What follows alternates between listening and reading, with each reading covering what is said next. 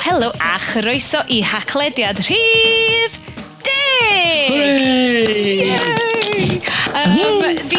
Edward yma hefo Bryn. Hello. A Iestyn. Helo. Yn fych. Uh, da ni wedi cyrraedd ffigurau dwbl. Zong, Yay. lols, yeah. yeah roffl. Yeah. Dwi ddim yn siŵr sut mae hyn wedi digwydd. Diolch yn fawr i chi am rando hyd yn hyn os ydych chi'n o'r gwrandawyr sydd wedi gwrando o rhif un ymlaen. Ac os, um, os ydych chi dal yn gwrando o'r rifin ymlaen, be ddiffach ar eich benna chi'n gwrando i ni? Na, na, na, mae chi'n cael eich stats ni fyny, a da ni'n hapus, pawb yn hapus. Egon gwir, egon um, Wel, mae wedi bod yn fus arall ers i ni y recordio hacledydd rhif naw. Uh, lot o bethau wedi dod allan, mae um, Apple erbyn hyn nid yn unig yn berchen eich unaid chi, mae'n hefyd yn berchen y cymylau. Uh, o, mae hynna'n swnio'n awful, ydw ges i row yn ddeud hynna cyn i ni ddechrau recordio. Y geiriau, mae Google just mor evil. Google Fangirl. um, yn dweud, mae iCloud wedi dod allan. Da ni hefyd wedi bod yn trafod. Na, chdi, dwi heb, no, mae yna bits yn fod wedi dod allan? Do. Bits yn fod wedi dod allan. Ysgus Ysgusodwch chi, da ni'n mynd i gornel afal Iestyn wedyn. Mae'n cwmwl wispy bach, dwi'n mynd cwmwl mawr eto. So, ni'n gallu deud bod yr I-Newell wedi dod allan. Ei! O, ie. Yr I-Newell. I-Newell.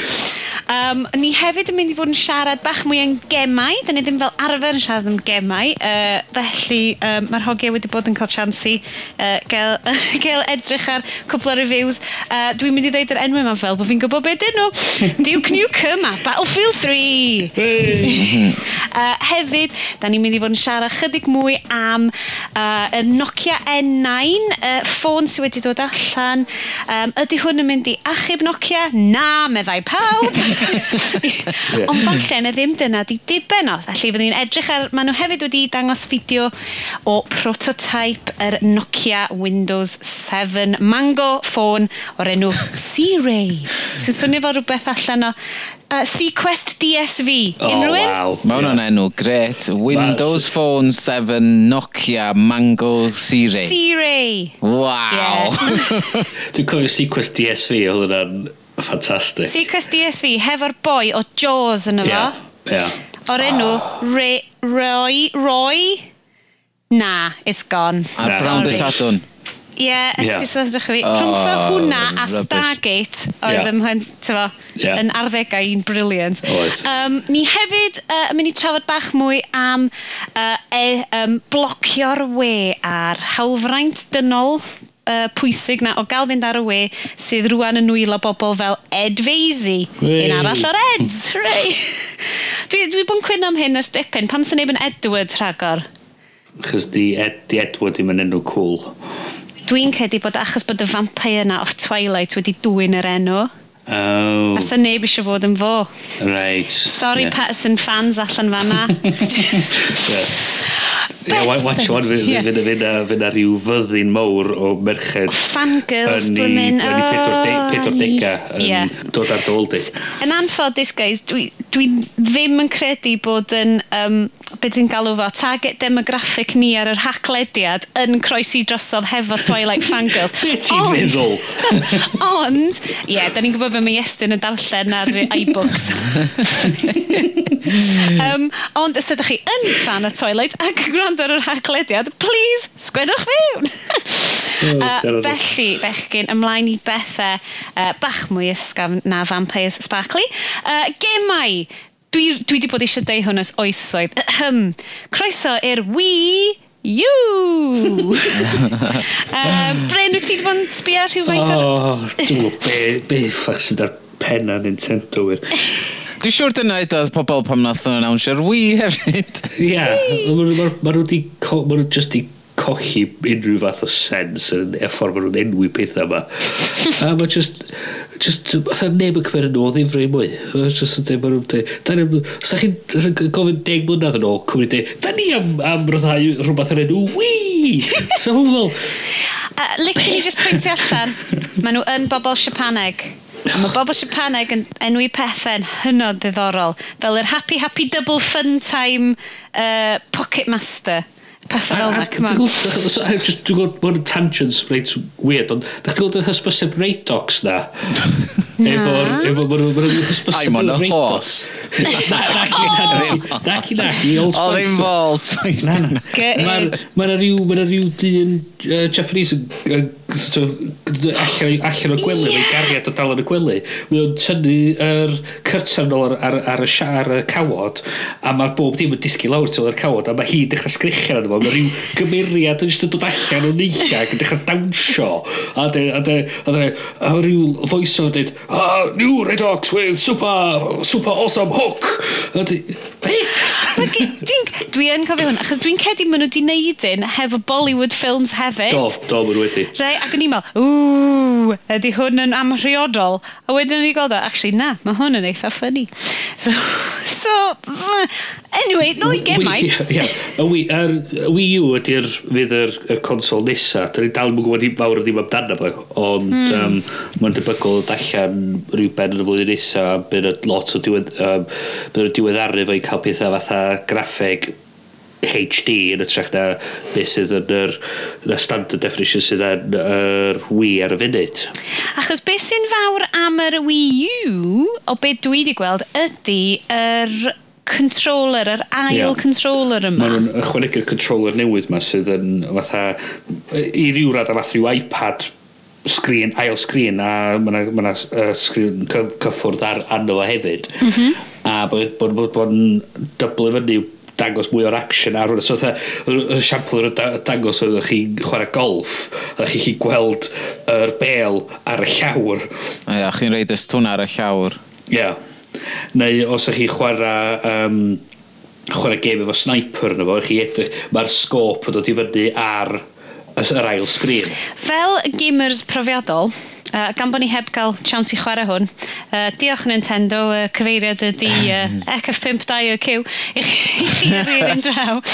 Um, bysach chi'n gweld hwnna yn cymryd eich sylw chi oddi ffwr o'ch chwarae neu'n ychwanegu iddo fo? Neu ydy o gyd dibynnu ar sut mae'r games wedi i'w creu i... Dibynnu ar y games, ond y peth ydy, mae yr er marchnad mae Nintendo di, di, di di cael ydy'r marchnad mewn o'r casual gamers oedd ar pobl sydd mm. jyst yn hmm. tynnu'r games allan pan mae ffrindiau dod draw lle mae pobl ar Xbox 360 a PS3 yn mynd mwy ar ôl yr ochr a mwy sydd mwy, mwy difrifol pobl um, pethau fatha Battlefield uh, to uh, Modern Warfare ac, ac yn y blaen mae Nintendo trio mynd ar, ar hôl nhw, ond yn ffodus mae gimmicks fel mae nhw'n just cael y ffordd o pobl sydd yn mwy serius am ei gema. Ond o'n i siwriol nhw yn uh, E3, oedden nhw yn dangos y, y gema yna oedd yn dod ar Xbox a. Hmm. PlayStation 3 hefyd, yn yeah. dod allan ar hwn. Um, so mae ma nhw'n gweld fod farchnad mawr allan yna hmm. i'r pobl sydd yn oedran ni eisiau chwarae'r gema yma. Ond i fi yn bersonol, mae hwn i weld yn hirt i fi de. Dwi, mm. Mae seriously, mae ma just mor wirion. Mm. Ac eich mewn blwyddyn, fydda i'n dweud, o, oh, mae beth gorau erioed. Ond, um... Dwi'n peth mae'r ma, ma, ma, ma, ma cos y dyfais, a wedyn mae eisiau talu wedyn am sgrin i bob un o'r pobl sy'n eisiau chwarae'r gêm. Ie, yeah. a mond un control pad ti'n cael efo, efo'r consol mm. hefyd. Mm. So, yeah. os ti eisiau, dyn nhw wedi dweud faint fydd un extra uh, am fod mae hwn yn sgrin cyfa, yeah. touchscreen a control pad, mae hwn un, fos ni'n meddwl, mae, tywod, mae'n mynd i gostio te cant pint, ydy? Ydy. Ar llia swn i'n dweud. Wel, gynnau deimlad bod nhw'n mynd i fod, mae hwn fydd dy DS di. Ys ti'n deall fe? Yeah, yeah. Na hwn mm. fydd yr portable gaming hefo nhw hefyd. Y peth ydy, ydy, ydy, ydy, ydy, ydy, ydy, ydy, ydy, ydy, ydy, ydy, ydy, y sgrin extra yma ta di o'n mynd i fod yn achos fydd chi dal chwarae fo heb ddyn nhw a ddech chi'n colli byd hynna hynna fydd y peth pwysig mm. ac os mae'r gema dal yn gweithio heb ddyn fo then be di'r pwynt, be di pwynt o cael o iawn mond, mond sgrin ydy'r ydy teclyn yma, mae'r actual game yn ar y consol, mae'r mm. consol yn darlledu'r... Um, fedrwch chi mynd ar, ar uh, controller allan o'r tŷ efo chi, am fod fydd y game mm. ddim arno fo. Ie, ie. A reit. So... Cys honna, dy'r isio. Cos maen nhw'n... Dwi'n fyny fel iPad yn rhywbeth o'ch sydd chi'n chwarae, mynd fawr tu ar ei fideo. Dos na memory ar y controller i hun. Dwi'n gwybod mae hyn yn swnio'n amwys, a dwi heb darllen fyny wel na, dwi heb ffeindio be ydi o, ond maen nhw'n gofyn, lot o bobl yn gofyn um, pa wireless technology maen nhw'n credu maen nhw'n mynd i fod yn defnyddio. Dyn nhw'n gwybod eto. Na. Dyn nhw'n deud eto. Na, na'r peth. Swnio'n yeah.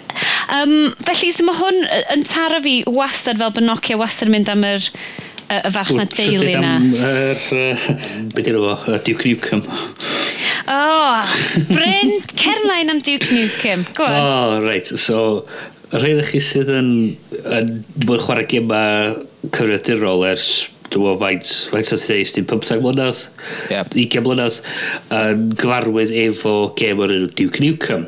A be oedd oedd rhyw soldiwr yn mynd rownd yn deud pethau um, amheus at merched ac yn seithi um, aliens a falle. Ag, standard. Standard. Ia, rhyw 15 blynedd yn ôl, oedd ar ei uh, pobl ar ei creu Duke Nukem, deud sa nhw yn rhyddhau gem o'r enw Duke Nukem Forever. Oed e 15 blynedd yn ôl. Wsos dwytha,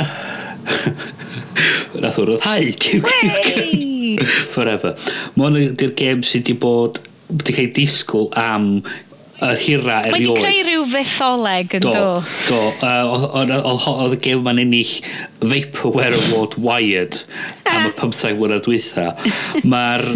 Uh, Ond y problem ydy, mae'r gêm wedi cael ei rhyddhau wan a mae o yn rybys. mae bron pob yn dweud pethau cas amdano fo, dweud bod o'n edrych yn hen, bod yr technoleg yn hen, bod y graphics edrych yn rubbish, bod controls yn rubbish. A fod yn sexist. Ia, ia, mae o Mae o'n... Ultra sexist. Ia. Ddim yn funny sexist. Ia. Fe, dio ddim yn Gene Hunt. Mae o o'n actually mwy o Jeremy. Ia, ia, ia. Come on. Um, mae o'n... Dio dim yn... Mae o'n wedi dyddio yna o gwbl. A peth ydy, mae o'n...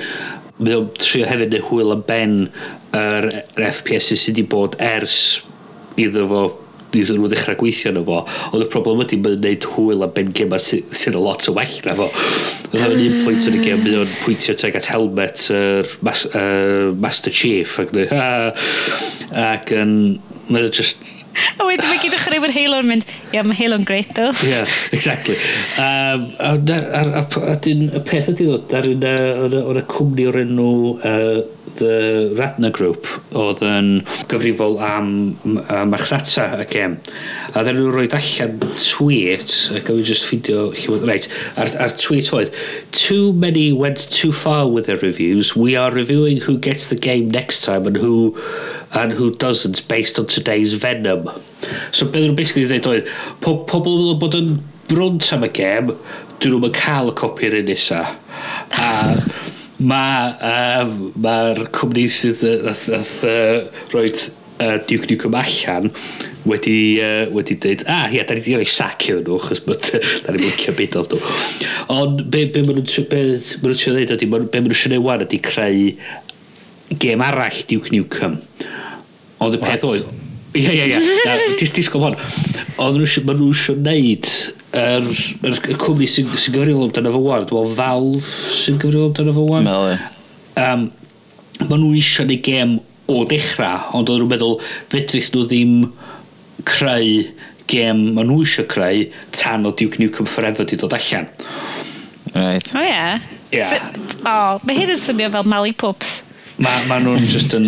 Mae ma just yn fes llwyr. A, a peth ydy, be ddylswn wedi gwneud ydy just deud, just cyfadda. Os ni'n misio gêm newydd sy'n ni'n greu efo'r enw yna arno fo. Yeah. Mm. Basically. Yeah. O peth ydy, o, o peth ydy ma na dal, ma na rhyw deimlad dal, rhai pobl dal y teimlo'n wyddol dda teg at yr, yr ingreiddiol a maen nhw'n trio cael ar fewn ar y nostalgia am yr hen gem Ond y problem ydy, mae hwn really, i fi di, di, di nistrio yr uh, teimlad, teimlad uh, cynnes teg at yr ah, yngreiddiol. Na'r peth fel, sôn am hen Stagers games, uh, da ni'n recordio hwn ar uh, trydydd ar hugen o Fehefin, mm -hmm. a heddiw ydy i ugeinfed pen blwydd Sonic oh, the Hedgehog. Oh. Pwy sy'n teimlo'n hen? Nes i fyth licio Sonic the Hedgehog. Pwrcwa? O'n i'n Nintendo man, ti'n Ac oedd O'n i'n mynd, o'n i'n, tywod, mae'r un peth, Windows, Apple, Nintendo, Sega. Uh, grey stations o gen pawb arall, uh, whereas gen ni e yn 64. Uh, like, uh, tywod, mae'n ffynnu gweld Sonic ar Nintendo rwan, tywod. Twy be, oedd hwnna, a hefyd bod se, Sega dal o gwmpas, ond ti'n sort of gael Sega'n popio fyny ar bethau. Helo? O, lle ni jyst eistedd fan hyn yn gwrando ar hwnna? Mae o ar ei ffôn, dydy. Ydw. Mae'n briliant, Bryn. falle, falle benoni. O, na, wel, da ni'n golchi, da ni'n golchi fo fan. OK, so oh. nôl at y tŷ. O, dead. Ie, wel, mae um, Sonic and Mario at the Olympic Games. Ie. Yeah. Mae honna, oedd honna bach o, wow, pan ddoth i yeah. allan. Um, felly, ne, mae gennau dal, dwi'n cofio cael cheat yn y bachgen amazing, ond digwydd bod yn yr ysbyty yn Aberystwyth, a pan ma'n i'n fech, ac yn y boi yna, di torri goes neu beth dwi'n credu, so yn leid up e amser, oedd wedi ffeindio cheat, i alluogi ti i adeiladu Sonic levels ar y Mega Drive. So ti'n chwarae oh, Sonic, ond ti'n gallu... Meddylia di, oedd y boi na di creu Little Big Planet, like, 15 mlynedd cyn iddo fo gyrraedd. A oedd hwnna'n un o'r pethau, a ni just fel, wow, y posibiliadau. oh. uh, dwi hefyd jyst eisiau, um, gan bod ni siarad am gemau, bach ar, um, ar dungeon arall, Fi'n yn gwybod, guys, dwi'n mynd i roi siawns i chi uh, lawr lwyth o pethau rwan, tra bod fi'n siarad. Uh, so, sgennych chi'ch e-dot phones allan. Um, dwi, wneud full disclosure wan, dwi'n gweithio i'r tîm sydd yn wneud gwefannau Stunch i Esbydrec, a mae yna dau app newydd wedi dod allan o dan uh, enw Stunch. Uh, un o'n nhw ydy Gloop, um, glwp ydi gêm, Gyrl Whooper. Um, a mae hon... Wel, dwi'n gwybod, achos ti'n gwybod gweithio enwau sy'n gweithio yn Gymraeg ar Saesneg. Uh, felly, oedd glwp yn gweithio allan yn eitha da. Um, ond gemau di'r hyn, so gemau am ddim um, i hyrwyddo uh, gwasanaeth. Ond hefyd, os ti'n chwarae nhw'r iPad, mae hyn wedi creu ar gyfer iPad, mae hon yn gallu bod yn gêm i bedwar chwaraewr ar yr un pryd, sy'n dewis Cymraeg yep. Saesneg. Uh, felly, dwi'n rhoi'r rhain allan i chi, uh, achos bod nhw am ddim a dwi ddim yn, yn ennill unrhyw beth o ddeud wrthych chi. Um, Mae hi'n cael commission. Dwi'n... Oh, ah, seriously? Dwi'n gedi bod yna bres yn haig gael commission i ni. Ond beth mae'r gêm yn neud o? Fe rai jyst gweld lliwiau ar y sgrin, dwi'n gwybod beth yeah, beth ydy, wyt ti'n chwarae un o'r glwps bach ma, mm -hmm. a mhm. ti'n goffa llenwi'r sgrin efo lliw, so ti'n gallu setio fo i tiltio, neu bod ti'n iwsio dy fus, a ti'n llenwi'r sgrin efo lliw, so'r mwyaf liw wyt ti'n llenwi'r sgrin efo, o mwyaf bwyntiau ti'n cael, a wedyn ti'n cael power-ups neu power-downs yn ystod y chwarae. Um, os da chi ar iPad neu iPhone, dwi yn argymell yr tilt setting, achos mae llwyth mewn hwyl. Ond sy'n mynd yn gweithio efo multiplayer? Uh, dwi ddim yn gweithio efo multiplayer, ti'n just niwsio fel tablet right, wedyn, ti'n just niwsio dy fus i fel... So, um, efo'r map, just, just go on and scratch your screen. Yeah, Gwyso, ie, yeah, dwi'n credu falle bod angen screen protector hefo'r hefo rhai bach. Ar un arall? Ar un arall ydy um, click slick. Ie. Yeah. Hwna ddim gwaith yn gweithio yn ddwyieithog, ond on, dwi'n hoffi fo fel un. Um, be di hwnna di? Mae hwnna'n cystadleuaeth maen nhw'n rhedeg ar Stone Sadwrn. Um, felly bob bore, um, di Sadwrn, pan mae'r game ymlaen, so ti a um, hanner ffordd trwy'r rhaglen. Um, ti'n cael llawnwyth o'r app ar Android neu ar iPhone, uh, neu ti'n cael chwarae ar y wefan. Um, a be di o di fel Uh, multi um, question and answer quiz ydy o. Dwi hwnna'n mynd i synwyr ac Be di multi-option, ti'n gallu dewis fel atebion. O quiz ydy o, a ti'n mm-hmm. gallu ennill gwobrau y diwedd. So felly, mae'r studio yn dweud, reit, cwestiwn cyntaf chi'n dod. Cwestiwn cyntaf di, um, pwy nillodd X Factor? Jay Wally, Frankie Sanford neu Cheryl Cole? A wedyn, ti'n, um, mae'n server yn gyrru questions allan, a ti'n ateb nhw, a wedyn mae hynna'n feedback yn syth i'r studio. So mae'n dweud, o, oh, 62 yn chi wedi dweud, 62 sydd dweud Jay Wally, oh. cant sydd dweud Frankie Sanford, whatever, cant arall, yn methu neud Sims and Fast, sydd dweud Cheryl Cole. Sgyn i actually ddim syniad pwy ydy unrhyw bobl ti'n dweud. Dim ond, meddwl am bobl efo gwell, nice nesig, o, mae gen gen Frankie Sanford o'r Saturdays gwell nais, a mae gen Cheryl Cole gwell nais. Uh, na ni, just y fluff okay. yn ganol y podlediad. Ond sut ti'n sillafu hynna, fe dwi'n ffindio fo? Click, as in esbydrec click. Ie. Yeah. A slick. Dyle fo fod yn dod fyny. Dwi'n marna fo eto. O, ne? Na, dwi'n... Ni'n bod o dwi'n... Wel, eich fydd o erby, erbyn i'r hwn fynd allan. Erbyn dis... Ie, ymddeheiriadau. Um, ond mae hwnna'n gweithio, a wedyn wyt ti'n cael fel live um, scoreboards y pethau syth i'r studio, so o'n i'n really... But er, mae'n swnio fel bod fi'n hyrwydd y pethau. Mae'n hollol am ddim, a ti'n gallu ennill gwobra ar, arno fo. Gwna cwestiwn gwestiwn pwysig i ti ddo, yeah. uh, Sioned. Yeah. Fydd yn gweithio ar mango fi. O! um, ar hyn o bryd, na. Ti eisiau esbonio i pobl be, be dwi'n feddwl cyn iddyn nhw bod fi wedi mynd y wirio'n? Ar dy mango di. Uh, ydy hwn yn, yn uh, um, nodyn bach yn Bryn yn mynd, Sianed, ti wedi siarad gormod am beth y dibwys, i fynd nôl i'r tech. Um, mae... Uh, rwy... O'n i'n meddwl mae segwe clyfar Oedd hwnna yn segwe really nice. Na, chwarae teg i ti, Bryn. O na, nes ti, nes ti just i listro'r holl beth. Na, achos o'n i'n meddwl wan, ydy Bryn eisiau fi siarad am hwnna? Siwr o fod bod o. Ie, yeah, dyn ti'n rhoi gwaed ddo i bobl. Dwi'n gwybod sy'n rhywun dilyn y Twitter stream, dwi wedi bod bach yn ffynnu ers hynna um, so, ni'n siarad am uh, cyfuniad mawr Nokia a Windows uh, i greu ffonau glyfar. Ond... Mae'r Americans yn cael o'n shotgun wedding, dwi'n meddwl. Ti'n mynd lawr, dwi'n mynd lawr, let's go down together, woo! um, mae Nokia wedi uh, cyhoeddi uh, yr wythnos hon, yr Nokia N9. Uh, beth ydy hwn ydy ffôn candy bar glyfar sy'n dod allan gan Nokia, ond fydd hon ddim yn rhedeg yr uh, Windows 7 Mango uh, eto. Fe hwn yn rhedeg Migo, wante. Uh, ma, uh, Bryn, wyt ti falle'n gyfo mwy am y Migo yma, achos mae hwn yn Linux yeah. uh, system. Be, be oedd hwn oedd ymdrech gyn Nokia i greu uh, system i redeg i, ffo, i ffôn a clyfar nhw. A, a di, di selio ar Migo uh, sydd yn rhyw fath o Linux. Um, uh, mi oedd nhw wedi gwneud lot o waith reit da anna fo ond eto un, un, un o yn y hen traddodiad na o pobl sydd yn trio chwytho gormod ar ei ffona nhw. Um, oedd o'n o, o na ormod ar y ffôn i ac sy'n gallu neud o rhywbeth sydd oedd yn un o'n hanner, mor, hanner defnyddiol. Mm. Um, a hwn, hwn fydd mi, mi'r y cymuned mawr o bobl yn gweithio ar Migo ac a na lot o bobl yn Nokia yn flin iawn efo Stephen Elop sef yr, yr person sy'n rhedeg Nokia rwan a mae ffaith bod o wedi tafod hwn allan ac yn mynd efo Neidio Windows. Neidio fyny'r gwely. Ie. Yeah. Wel, eto, peth yn pwyr ydy, mae ELOP yn ar, oedd arfer gweithio i Microsoft, so mae rhai pobl meddwl, mm, ydy hwn rhyw fath o rhyw stealth takeover neu rhywbeth. Mm. Um, ond, ie, mae Nokia wedi penderfynu bod nhw wedi rhyddhau, dwi'n meddwl, un ffôn o flwyddyn efo Mico yn fo, Mm. Mae Symbian mwyn di...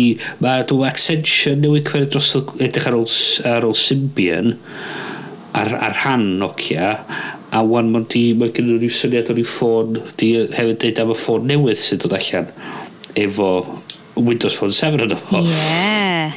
Hwna, sgen i mwy o ddiddordeb yna fo. Yn ystod yr um, siarad amdano Nokia N9, sydd yn edrych yn ffôn bech eitha deniadol, ys, ys bych chi fynd i llunio honno fo, ond dyna i gyd ydi o dwi'n credu. Mae'n edrych fatha mynd... iPod nano, ond heb y click wheel.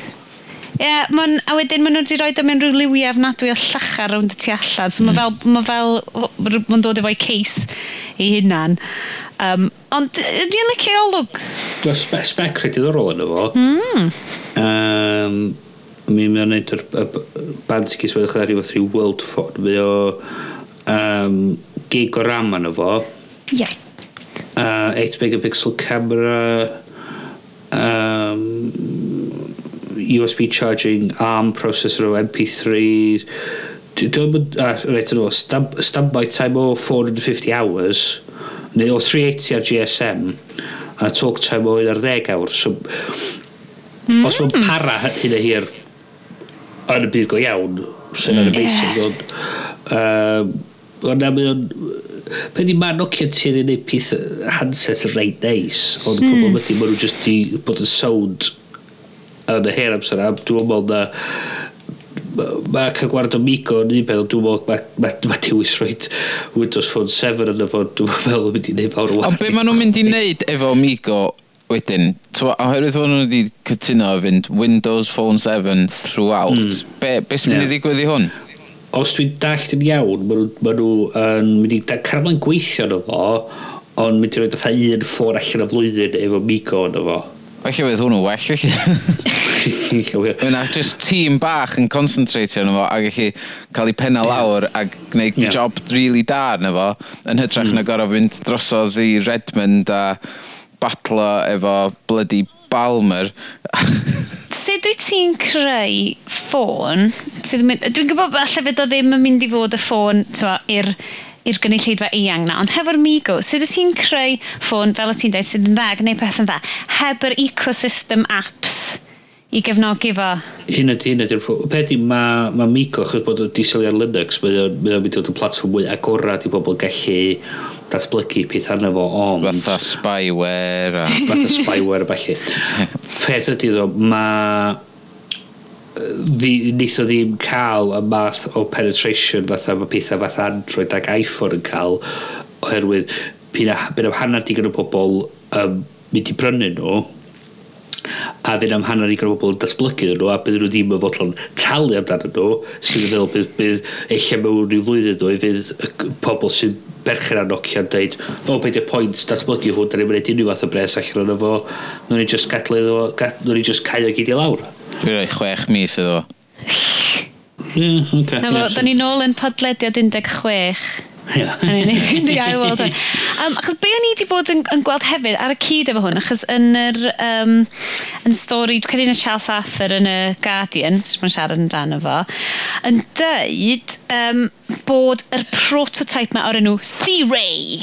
Sef, uh, wedi dod allan. useless yn enw i pethau. O, dwi'n credu bod hwnna fel yr enw secret a boi ar enw Yuha neu fel Yuka neu rhywbeth oedd yn dangos o. Mae yna fideo di dod allan, doniolwch pyr, achos mae'r fideo yma yn, yn berffaith llonydd ac ar tripod, yn dieditio neis iawn, ond maen nhw'n dweud, please, mm. switch off your phones. Please, I don't want any pictures of this getting out on the blogosphere.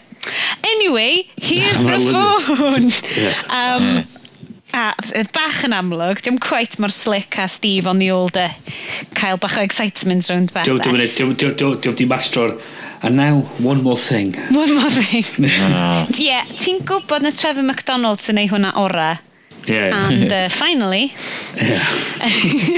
um, so, sir a ta, ni yn hoffi gweld hwn, achos oedd Iwho uh, wedi bod yn dangos o.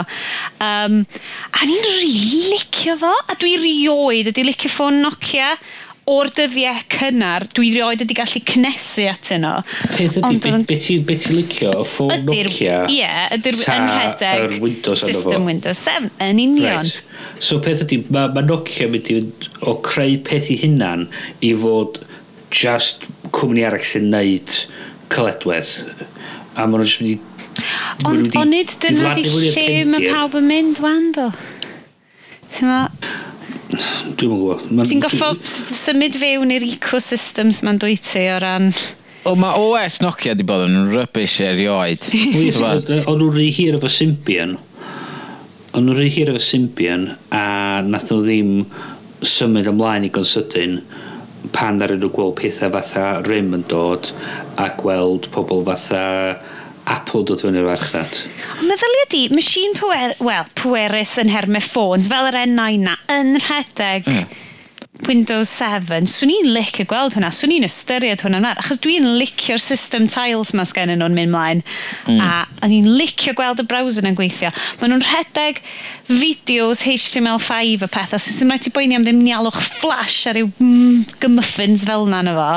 Swn i'n ystyried hwnna, ti'n Ie, yeah. ond fod mae Nokia, mae ma pawb yn gwybod am Nokia trwy'r byd am tywed creu ffôn sydd yn para'n hir. Ag, am twad, byth. Twad, y rei cynnar na lle ddech chi'n prynu nhw, ac oedd much, os oeddech chdi'n taflu nhw'r skip, oedd nhw'n troi fyny ar y stepan drws dyn nhw wedyn, dweud.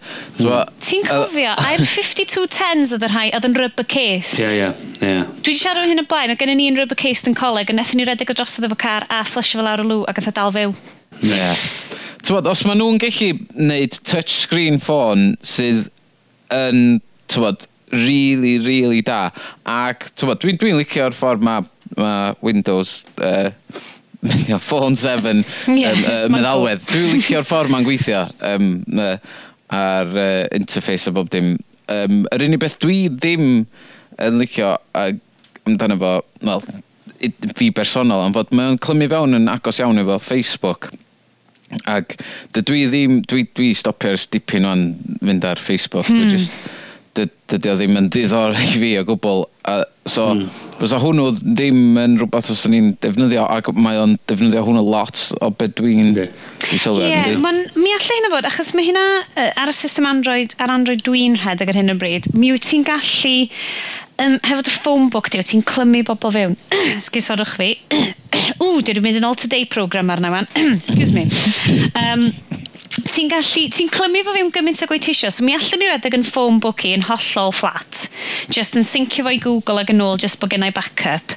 Neu mi allai fod yn tagio bobl fel Facebook contacts, a mi dynnydd o'r stwff ma fewn. So os wyt ti'n cael rheolaeth yna, which swn i'n gobeithio fysa'n standard. Ia, ia ti'n gwybod be ddigwyddyd ydy, fydd wedi switch of on yn default. Ond o deud wan, os ti'n symud o dy wildfire Android ynddo, mae ma, ma dy holl contracts a bob dim yn byw ar Google a so ti'n ti, ti prynu ffôn Android newydd, ti'n reid dy dy e-mail, dy baswyd fel, mae bob dim yna'n syth. Mm. Os ti'n symud i hwn, wyt ti'n gorau creu Windows Live account a symud bob dim ar draws i hwnnw? Dy contacts a bob dim. Mae gen i mi fydd bywyd yn haws i ti os neud i. Hmm. Ie, mm. yeah, allai feddwl hynna wir. Mae'r... Ma be mae'r ecofons y smartphones mae'n neud y gyd ydy cloi pobl mewn mm. i hmm. system nhw. Fatha wwan, i fi, dr- ddod, i fi symud o Apple i Android os o'n cymryd gwaith i fi trosglwyddo bob dim i Google symud wedyn draw i a swn i'n cochi'n apps a bob dim i gyd chos drwy'n ma'r cael ar cyfer yr uh, hwnna.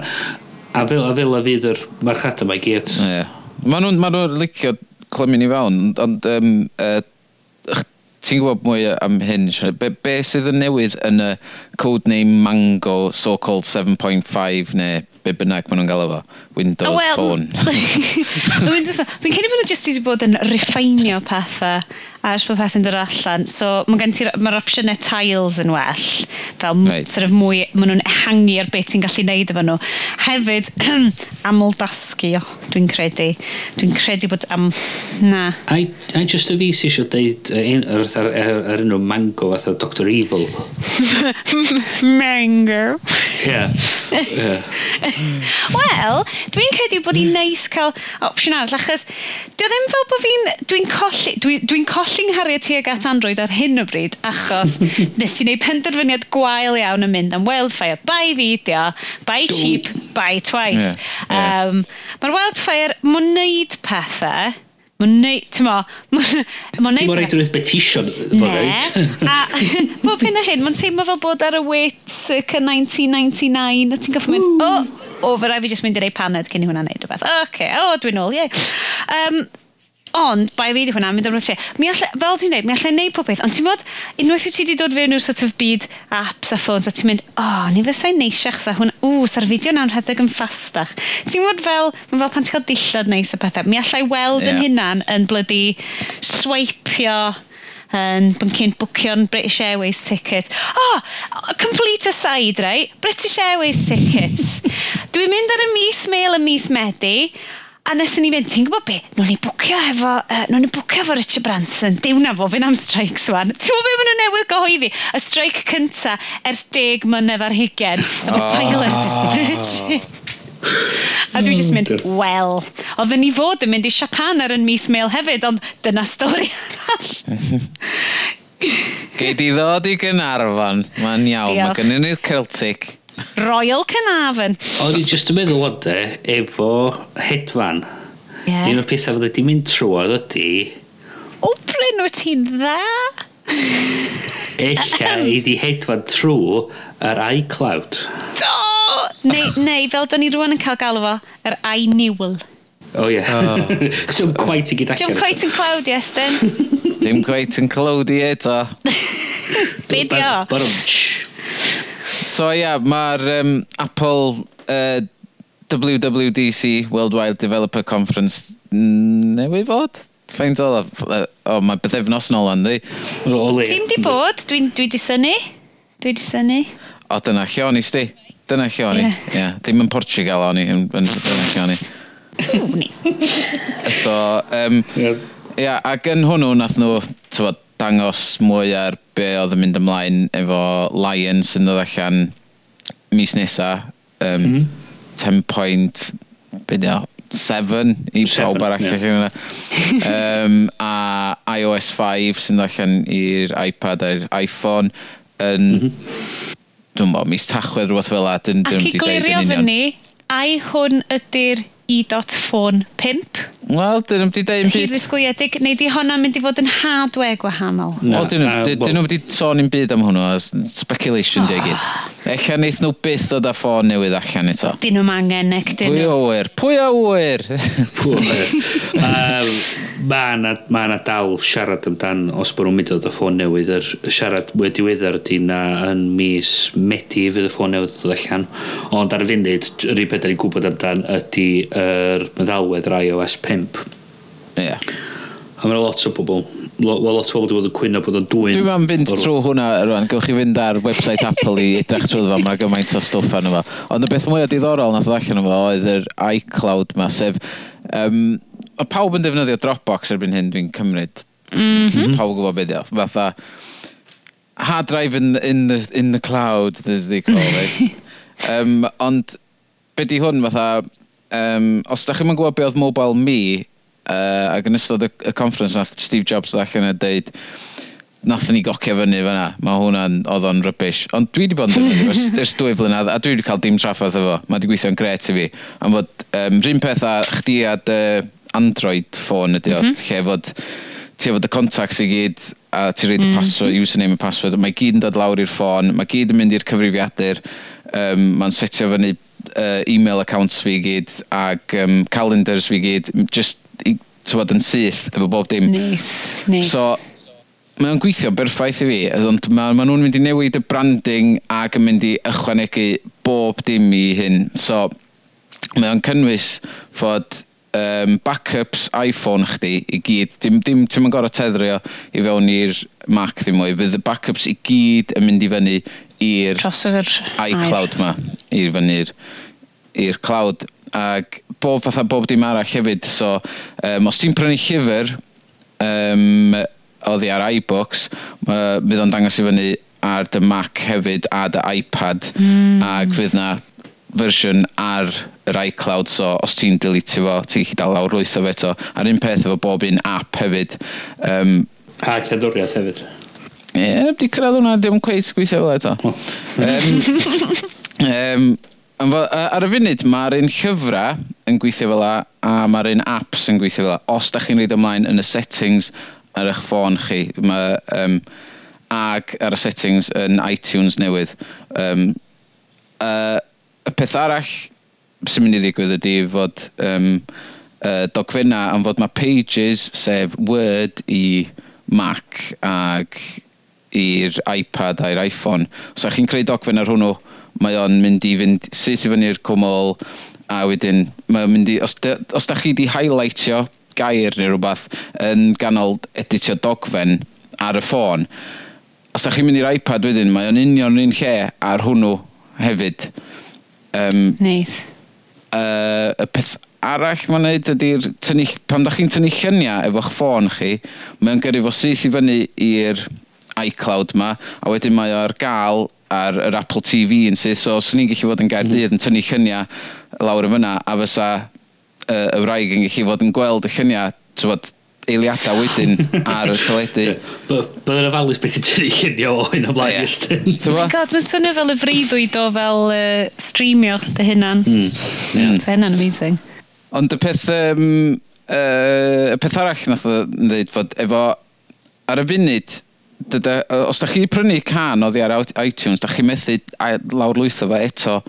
So, yn wahanol i be mae Google a Android di wneud, uh, dim Android, mm. a Google a Amazon. Amazon. Mm -hmm. yeah, nhw wedi dweud, wel, gyna ni hard drive yn y cwmwl hefyd, gewch chi lwytho fyny eich caneuon i gyd i fyny, a wedyn gewch chi streamio nhw i gyd. Um, ond be mae Apple di wneud ydy fynd a cael cytundeba efo'r pobl uh, cerddoriaeth yma a yn gadael chi lawrwytho nhw gymaint o weithiau da chi isio ei fyny at 10 neu 5 dyfais, dwi'n cofio be oedd o. 10, um, ie, yeah, dwi'n 10, 10 dyfais, ond mae dwi'n meddwl had na ddau yn nhw fod wedi dau fod yn mac neu cyfrifiadur a dwi'n meddwl wyth gwahanol yn... mathau ie ia so os gych chi PC a Mac a ddau yn nhw faitio chi lawr wyth o'r can i'r ddau yn nhw ie yeah. Ond y killer feature nath nhw announsio, ond mae'n mynd i gostio 25 dolar y flwyddyn, ond maen nhw mond i announsio hyn i, i America ar y funud, so oh. um, da ni dal yn disgwyl am y cytundebau i ddod drwad y fan hyn, fod os da chi wedi, tybo, a mae ma lot o bobl just di prynu CDs a di ripio nhw i iTunes, dyna di y music, di, mm -hmm. dim di lawrwytho nhw i gyd. So be mae hwn yn neud ydy sganio um, bob dim sgyn ti yn iTunes a deud, o, oh, mae gennym ni gopi o hwn uh, ar iTunes. Da chi eisiau ni reid o ar iCloud, so fydwch chi reid o ar eich ffôn, yr iPad neu Mac yn y Mac acw lle bynnag da chi eisiau fo, efo access iddo fo ar hyd yr amser. Mae hyn yn gweithio hyd yn oed os da chi tybod, wedi cael y caneuon yma o dyddiau Napster, lle tywod, o'ch chdi jyst yn downloadio be bynnag o'ch chdi isio. So, mm. ag, ag, Ond wyt ti'n talu faint am hynna? Be 25 dolar y flwyddyn. So, so ti'n talu... Let me just get this straight. Ti'n talu 25 dolar yeah. er mwyn gallu cael music sgen ti'n barod yeah. ar beth eraill. A na beth ti'n... Be mae nhw'n be maen nhw'n galluogi ti wneud ydy... Ydy'r streamio busnes cael, ma. Ia, ti'n gallu lawrlwytho... So unrhyw gan ti erioed i prynu mm.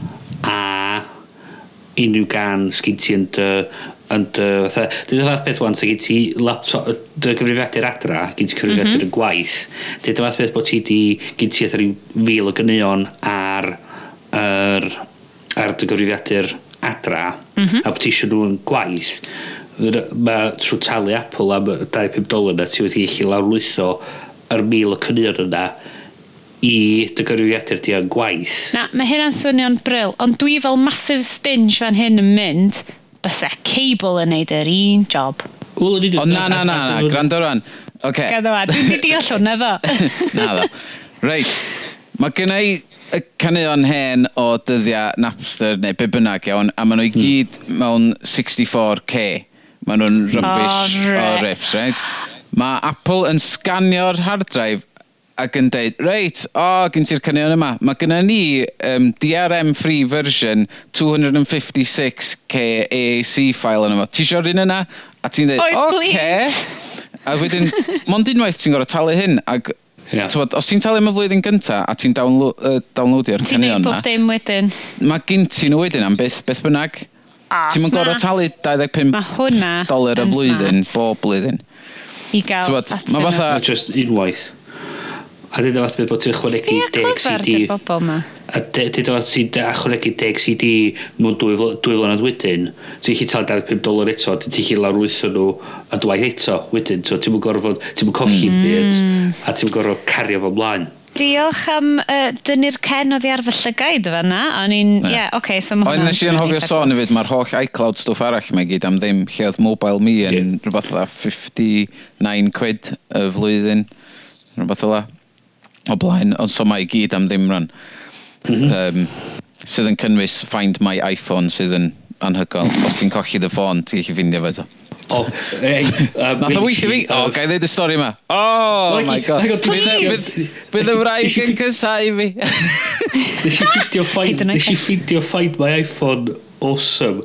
Ond dwi'n dweud fyny ar Twitter. Dweud, oh, uh, good news, find my iPhone... Uh, find my iPhone worked. Bad news, it's here. a Mae danos link i'r map. Oedd y boi'n America, oedd i iPhone o yn Vietnam. Oh, oh my god. Oedd ti ddim yn Vietnam ddo, Iestyn? O, so gych fod yn rhywbeth agos, ie. Yeah. Oedd um, uh, ffôn o wraig yn mynd ar goll, uh, methu fynd efo, a oedd ar silent, a o'n i'n trio ffonio fo, ac doedd, just dod am sŵn o gwbl am fod mae hi bob trefo ar silent. A wedyn eisiau gofio, o oh, ia, yeah, find my iPhone, ti'n gallu activatio'r sain arno fo. So ti'n gallu, mae o'n rili, really, neud sŵn rili really uchel. Ac um, o'n i'n mynd rownd y tŷ ac nes i reid ymlaen ac oedd y sŵn ma'n dod allan o'r gegin yn mynd rownd, lle, lle mae o? Ac dyna lle oedd o, o dan lwyth o stwff yn y bin. Oh, my. a diwrnod wedyn, oedd y bins yn mynd i'r Bins yn sgell. Oh, oh, my god. Oedd hi'n lwcus.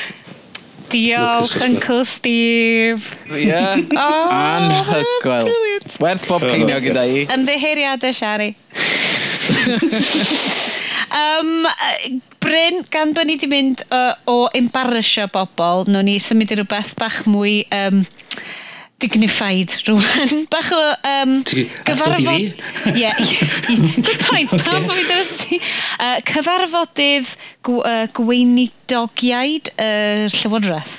Ie, yeah, so um, o'na Hel Helen sti codi yn y dyddiau dwytha wan bod uh, gwyn, uh, gweinidog diwylliant Ed Feisi wedi cynnal cyfarfod rhwng i, uh, rhwng ei hun a grwpiau efo diddordeb mewn a hawfraint a, ac oedd heir y grwpiau oedd yn triannog uh, edfeisi i dod a defnyddio rei o'r grymoedd oedd yn yr Digital Economy Act i dod allan a, res, a, a sgîm um, gwirfoddol i uh, gwasanaethau cysylltu'r we i blocio gwefanna oedd yn yn cael ei ama neu cael ei ddangos bod nhw'n torri halfraint pobl. So, os ydych chi roi link, uh, torrent trackers fath, fath o beth. So, beth oedd digwydd oedd, fysa yna rhestr, fysa rhaid i er, ISPs gyrru nodiadau allan i'r pobl dweud dyma beth sy'n da ni'n fel bod chi'n neud hyn fi fysa yna system cyflym o fynd at i'r llys os yna fysa dyfarnwr yn gweld hwn ac yn dweud reit mae hwnna'n torri'r gyfraith off o fo. Ag mi o'n, mae'r grwpiau fel yr Open Rights Group yn flin dros ben oherwydd oedden nhw yn gwybod am y cyfarfod yma, di gofyn i cael dod yna i roed yr achos y pobl i, i, i, i i fewn yn y cyfarfod, a nhw wedi cael deud bod nhw'n cael dod yna, oedd nhw oedd nhw ddim uh, am croeso yn y cyfarfod a dod nhw'n cael dod i'r cyfarfod o gwbl. Mm. Um, re, um, so Mae nhw yn amlwg yn poeni wan bod Ed Feisi yn mynd i dechrau dod a dechrau neud pethau fel mae'r ar corff, uh, corfforaethau um, hawfraint isio. I... O, o, bla, o blaid Ed Feisi, ddari o ddeud yn y cyfarfod, os ddech chi'n sgim gwirfoddol, gwir, gwirfoddol i fewn, pam ddech chi'n dod at y fi, pam chi'n just at yr, at yr, yr, yr, y cwmnïau ISPs a deud iddyn nhw bod dyma beth ddech chi'n neud. Um, ond y pwynt ydy bod pethau fel yma mynd i ddod fel fath rhyw slippery slope, fath fel sy'n dweud um, yn Yes Minister's the thin end of the wedge. Um, a be maen nhw'n poeni sy'n digwydd ydy bod mae'n ma dechrau efo sgim gwirfoddol. Wedyn mae'r ma grwpiau hawfraint yn ôl at fod dweud, wel hang on, nath y sgim gwirfoddol yw gweithio beth da ni wan di deddfa a wedyn da ni'n wedyn mae'r deddfa mae'n datblygu wedyn lle bod mae cwmnïau preifat yn gallu penderfynu be da ni yn cael gweld ar y we, be da ni ddim yn cael gweld ar y we. A wedyn, da ni'n ni dod i, i sefyllfa fatha'n America, lle mae deddfa y we yn cael ei sgwennu gyn cwmnïau sydd fod i ddod fel, efo, uh, cario y system hawfraint Ac mae da ni llefydd yn America wan, mae yna llefydd lle chi'n cael eich mynd, lle da chi'n cael deg mlynedd yn y carchar os da chi'n rhannu eich passwords uh, Netflix efo pobl. Os ydy, ydy hynna'n achosion sydd wedi... Mae'r ma, ma, ma dedd yna wir. Ma os ti'n gwylio Netflix yn y wlad ma, ti'n mynd i fynd i carchar yn barod. Ond os ti'n... Ah. Mae yna yn Arizona yn America, dio, lle os ydych chi'n rhannu er, os ydych chi'n rhannu eich cyfrif, cyfrif fatha Netflix, de, maen nhw'n gyrru chi neu carchar a 5 blynedd neu 10 blynedd. O, oh, iesgob. A dych chi'n chi, chi cymitio felony yn, yn, yn, yn Arizona. A maen nhw hefyd yn mynd i wneud pethau fel... Ne, os da chi yn newid deddfa'r hawfraint yn America lle da chi'n ma bydda public, public performance os da chi'n rhoi fideo'r hwnna ar eich gwefan da chi'n gyfrifol am torri hawfraint a chi ddech chi'n mynd i'r carchar. Hwrei! oh, God. so maen nhw'n trin pawb fel broadcaster, fel petai. Mm -hmm. Yeah. A mae'n rhaid i chi talu leisans er bod pethau allan cael, cael i gysidro fel free, uh, um, uh, parody neu bod o'n an, fatha fair use. Yeah, fair use allan trwy ffenest. Yeah. So, croes i bysas, bydd pobl fath edfau sy'n cadw i asgwm gefn a deud iddyn nhw, da na, da ni'n mynd i wneud hyn, ond mae eisiau cadw golwg ar pethau fel yma, so cadwch golwg ar gwefan yr Open Rights Group. Open Rights Group. Open Rights Group, lle bod ni'n mynd i'r dystopia yma a bod ni'n troi fyny Arizona. Ie. Yeah. Yikes. Bach yn yep. uh, ddychrynllid i feddwl amdan. So, Yay! Cysgwch y dawel, plan. Cysgwch yn dawel, wrandawyr. Um, Ie, i chi, i rhain o'n chi sydd yn gwrando ar hwn cyn mynd i gysgu. Um, so, breuddwydion dystopaidd am ddiwedd y byd. Uh, um, Dwi'n cedi bod ni wedi dod i ben pethau rwan. Um, A fi fydd. Hogie, ydych chi'n gallu meddwl am rhywbeth bach a pistach i orffen ar na Mae, mae Bron yn steddfod? Mae hi yn Bron yn steddfod. Uh, oes trefniadau steddfod Bryn neu ydyn nhw dal uh, o dan orchydd? Na, mae yna... Mae yna Mae'r gynlluniau, maen nhw bron di gorffan, a ddyn nhw ar hackiaeth.com, munud maen nhw di gorffan. Mi fydd na hackiaeth bach ar y maes. Dwi'n meddwl fydd na hackiaeth bach yn Gynarfon hefyd yn fod mae uh, gwyl arall yn digwydd mm. yma, dwi'n meddwl. So, Ac... cadwch golwg ar haciau. Be di'r dyddiad ar hwnna, Iestyn? Oh, I knew you'd ask me that. No! uh, felly, ysdych chi really eisiau mynd i haciaeth bach yn Gynarfon, gwnewch eich ymchwil. um, just cadwch golwg ar haciaeth.com. Ie. Yeah, Dyma nhw'n i gyd ar fanna. Um, tanysgrifwch i'r RSS neu tanysgrichofiwch i'r cyfrif Twitter, sef at haciaeth, neu Twitter Iestyn, sef at Iestyn X, a uh, wella fydda di cofio, a di, di roi to fyny. Uh, neu Bryns, at Bryn S, uh, os dwi'n cofio'n gywir. Yep. Uh, fi di Sioned, dwi ar at Llef, uh, neis ag yn fyr, felly lle chi roed negesion hir i mi. Chi'n gweld beth nes i'n yna? Mm. Mm. Um, Ie. Yeah. Fel ar ddiwedd pob haglediad, ni eisiau dweud diolch yn fawr iawn i Gavin Lloyd, yep. sydd yn golygu ni ac yn uh, neud y ramblo rhwngthyn ni'n tri, just, just bach yn haws i wrando ar. Felly, ie. Uh, felly, yswch chi draw i Gavin... Ac yn y geiriau regi fuck. Ie, yeah. fel mango.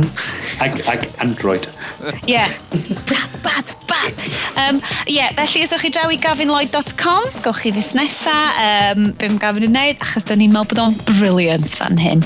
Uh, felly, am rwan, fi'n mynd i ddeud diolch yn i fawr i ti, Bryn. Diolch yn fawr, Sionet. Uh, diolch yn fawr i ti, Estyn.